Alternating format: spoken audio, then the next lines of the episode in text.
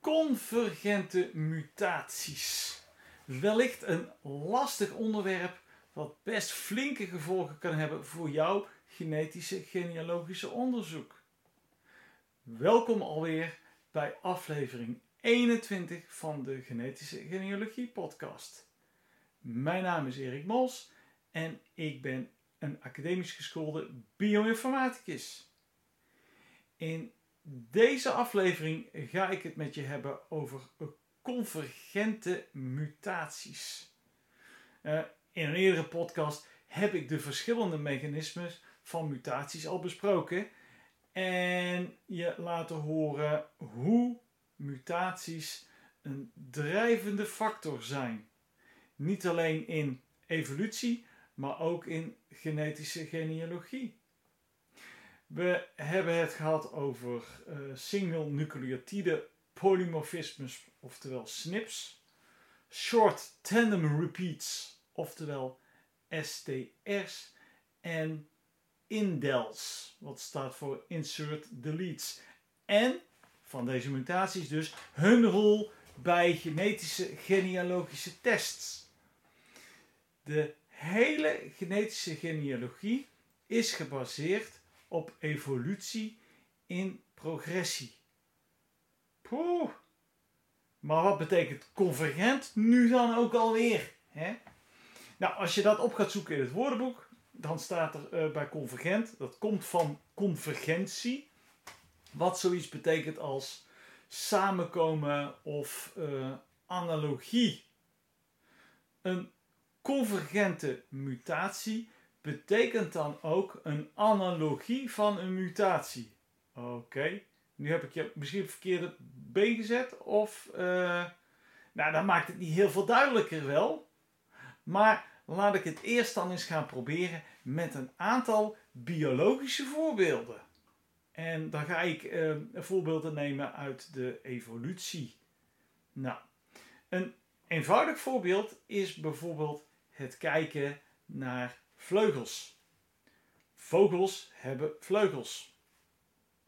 Vleermuizen hebben vleugels. En de meeste insecten hebben vleugels. Maar hebben deze vleugels een evolutionaire band? Zijn de vleugels van insecten, vogels en vleermuizen ontstaan uit de gemeenschappelijke voorouder? Uit meerdere gemeenschappelijke evolutionaire stappen? Nee. Nee. Insecten hadden al lang vleugels voordat uh, de eerste amfibieën waren. Nee, maar ze hebben wel allemaal vleugels. En ze kunnen er allemaal mee vliegen. Die vleugels zijn analoog aan elkaar. Ze zijn analoog van elkaar ontstaan. We noemen dit dan ook convergente evolutie. Een ander voorbeeld van convergente evolutie is bijvoorbeeld het ontstaan van ogen bij insecten en bij amfibieën. Dan zijn natuurlijk, die ogen zitten wel heel anders in elkaar, maar het is het, ze zijn in ieder geval analoog in functie. En wellicht kun je nog wel meerdere voorbeelden in de biologie vinden. Wanneer we van convergente evolutie nu de stap gaan zetten naar convergente mutaties, betekent dus dit zoiets als het voorkomen van dezelfde mutatie bij verschillende mensen, want we doen genetische genealogie, zonder dat er sprake is van een gemeenschappelijke voorouder. Stel dus dat jij en ik allebei een mutatie oplopen op dezelfde positie, dan betekent dit dat er een grote kans is dat onze nakomelingen deze mutatie ook zullen dragen. Wellicht scoren ze door deze convergente mutatie een DNA-match. zonder dat daar sprake van is. Wat ik met convergente mutatie duidelijk wil maken, is dat het hebben van dezelfde snip, dezelfde indel, dezelfde STR niet betekent dat je ook een gemeenschappelijke voorouder hebt. Er kan immers ook sprake zijn van een convergente mutatie. Als we kijken naar één snip, hè. Maar wanneer kijken we nu naar één snip? Overigens bestaat er ook nog een mogelijkheid dat de mutatie weer terug verandert naar het origineel in een latere generatie. Om het nog lastiger te maken, kan een mutatie dus ontbreken in een stuk DNA dat je van een gemeenschappelijke voorouder hebt geërfd. En dat maakt het allemaal nog lastiger. Ik probeer je dus nu vooral te laten zien dat het hebben of het niet hebben van een gemeenschappelijke mutatie een stukje ingewikkelder is dan gedacht. Het verhaal is niet zwart-wit. Ja, mutaties komen, mutaties gaan.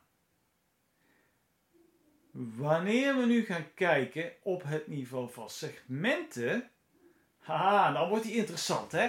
Zouden we dan ook kunnen praten over convergente segmenten? Dus dat, dat ik een, een DNA-segment heb met bepaalde mutaties erin en dat jij, eh, zonder dat we gerelateerd zijn aan elkaar, een vergelijkbaar segment hebt met dezelfde mutaties. Nou, gelukkig heb ik dit nog nooit waargenomen. En is dat ook erg onwaarschijnlijk. Immers, wij zouden dus eh, in het geval van co convergente segmenten, zouden we dus op meerdere plaatsen in die segmenten in het DNA convergente mutaties moeten hebben. En dat is erg onwaarschijnlijk.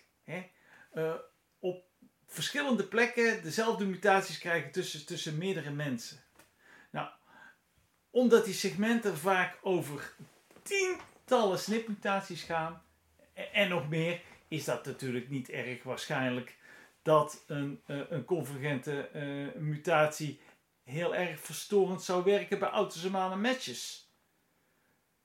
Wanneer we echter gaan kijken naar haplogroepen bij ei-DNA of mitochondriaal DNA, is het effect wellicht een stuk groter. En dat komt dan met name omdat het vaak over minder snipmutaties gaat. Hè?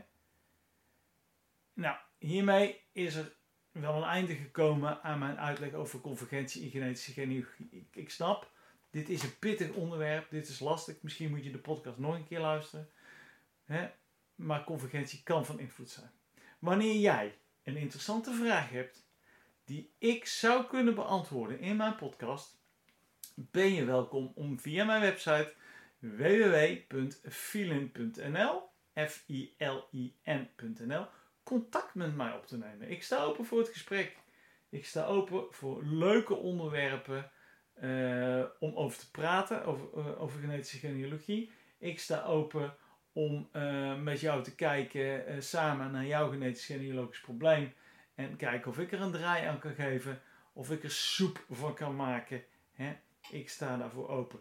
Um, ik zou je ook willen vragen om op de bekende platform, op platform waar je, lijkt, waar je, lijkt, waar je luistert, een review achter te laten voor mijn podcast, zodat ik mogelijkerwijs mijn publiek kan groeien.